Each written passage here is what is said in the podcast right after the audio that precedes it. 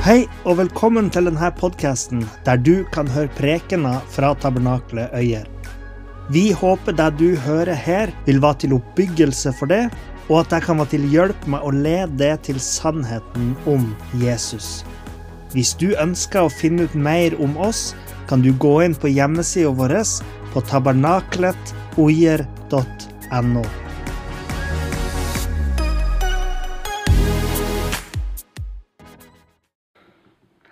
Fortsatt god eh, påske til dere alle sammen. I dag er det andre påskedag. eh, Og det betyr at i dag så blir det siste påskefilmen som vi kommer til å gi ut fra vår menighet. Men hvis du har fulgt med oss i løpet av påsken, så håper jeg at du har fått med deg litt av grunnen til at vi kristne feirer påske. Og forhåpentligvis så kanskje har du skjønt at det er et dypt budskap som er meint til det, for at du skal kunne tro og bli frelst. Men i dag så har jeg lyst til å begynne med å fortelle en liten historie om en jøde som eh, møtte en kristen venn. Og denne kristne vennen han begynte å lese til denne jøden fra Bibelen. Og når den kristne var ferdig å lese, så sa jøden nei, nei, nei, ikke, ikke kom her og fortell meg om Jesus. Fordi jøden hadde jo hørt om Jesus og visste jo noen av historiene om han. Men jøden sa ikke kommer det her til meg, jeg tror ikke på deg, jeg er jøde. ok? Men da sa den kristne men jeg har ikke lest fra Det nye testamentet. Jeg har lest fra din bibel. Dette er din bibel som forteller denne historien. Og Jeg har lyst til å lese det avsnittet som denne kristne leste til den jøden. Og der står det i profeten Jesaja, kapittel 53. Og Dette er ei bok som ble skrevet omtrent 700 år før Jesus. Så hør de ordene som står her. Hvem trodde det budskapet vi hørte? For hvem ble Herrens arm åpenbart? For han skjøt opp som en spire for hans ansikt, som et rotskudd av tørr jord. Han hadde ingen vakker skikkelse og ingen herlighet. Når vi så ham, fikk vi ingen glede i synet av ham. Han var foraktet og forkastet av mennesker. En smertens mann, vel kjent med sykdom. Folk skjulte sitt ansikt for ham. Han var foraktet, og vi regnet ham for intet. Sannelig, det var våre sykdommer han tok på seg. Det var våre smerter han bar. Mens vi regnet ham som rammet, slått av Gud og gjort elendig. Men han ble såret for våre overtredelser. Han ble knust for våre misgjerninger. Straffen for at vi skulle få fred, rammet ham, og ved hans sår har vi fått legedom. Vi for alle vill som får. Vi vendte oss hver til sin vei. Misgjerningen vi alle var skyldig, la Herren på ham. Han ble mishandlet og fornedret. Likevel åpnet han ikke sin munn. Lik et lam ble han ledet bort for å slaktes. Slik en sau tier for den som klipper den, slik åpnet han ikke sin munn. Ved trengsel og dom ble han tatt bort. Men da han ble revet bort fra de levendes land, hvem i hans slektsledd var det som aktet på at han ble rammet for mitt folks overtredelses skyld? Han ga ham hans grav blant ugudelige, men hos en rik var han i sin død. For han, han hadde ikke gjort noen voldsgjerning, og det var ikke svik i hans munn. Men det var etter Herrens velbehag å knuse ham.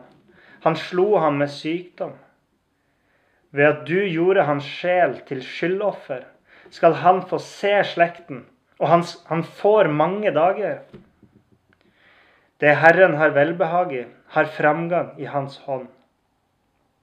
Fordi hans sjel har hatt møye, skal han se det og mettes.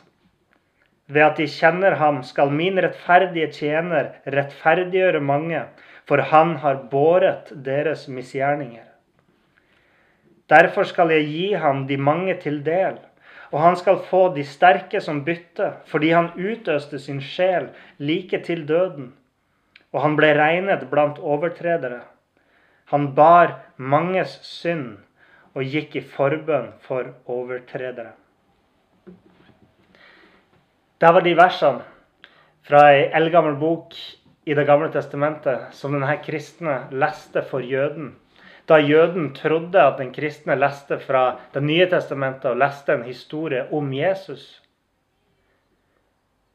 Denne kristne, nei, denne jøden endte opp med å bli en kristen sjøl. Da han innså at til og med hans egen bibel, den jødiske bibelen, Det gamle testamentet, fortalte historien om Jesus. Hvordan Jesus ble eh, såra og drept. Og hvordan han som likte et offerlam bar synden til folket. Slik at mennesker kunne komme til han for å bli frelst. Bibelen er full av sånne profetier om Jesus. Fortellinger om hvordan Gud hadde tenkt å frelse sitt folk. På Jesu tid så var jødene blinde for den sannheten. Det var mange jøder og jødiske ledere som fikk Jesus korsfesta, og som ønska at han skulle dø. Fordi de skjønte ikke at han var den Messias som Gud hadde lova. I dagene etter Jesus var død, så kan man jo forstå at òg disiplene til Jesus var usikre på hva det var som hadde skjedd. Men på tredje, den tredje dag så sto Jesus opp igjen, og han begynte å vise for alle sine disipler.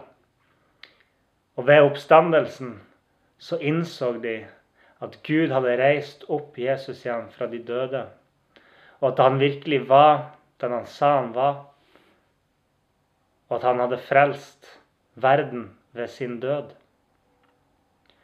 Ved troen på Han så kan vi òg bli tilgitt for alt det gale vi har gjort. Og vi kan bli frelst ved hans døde oppstandelse. Og ved hans oppstandelse så kan vi òg stå opp til et nytt liv. Og vi kan leve i det håpet som han har gitt oss. Må Gud velsigne det i tida som kommer framover, i alle vanskelige ting. Må Gud gi deg styrke til å gå gjennom det som er vanskelig. Må Herren velsigne deg med tro på Han, slik at du òg kan komme inn i Guds rike og bli frelst ved troen på Jesus.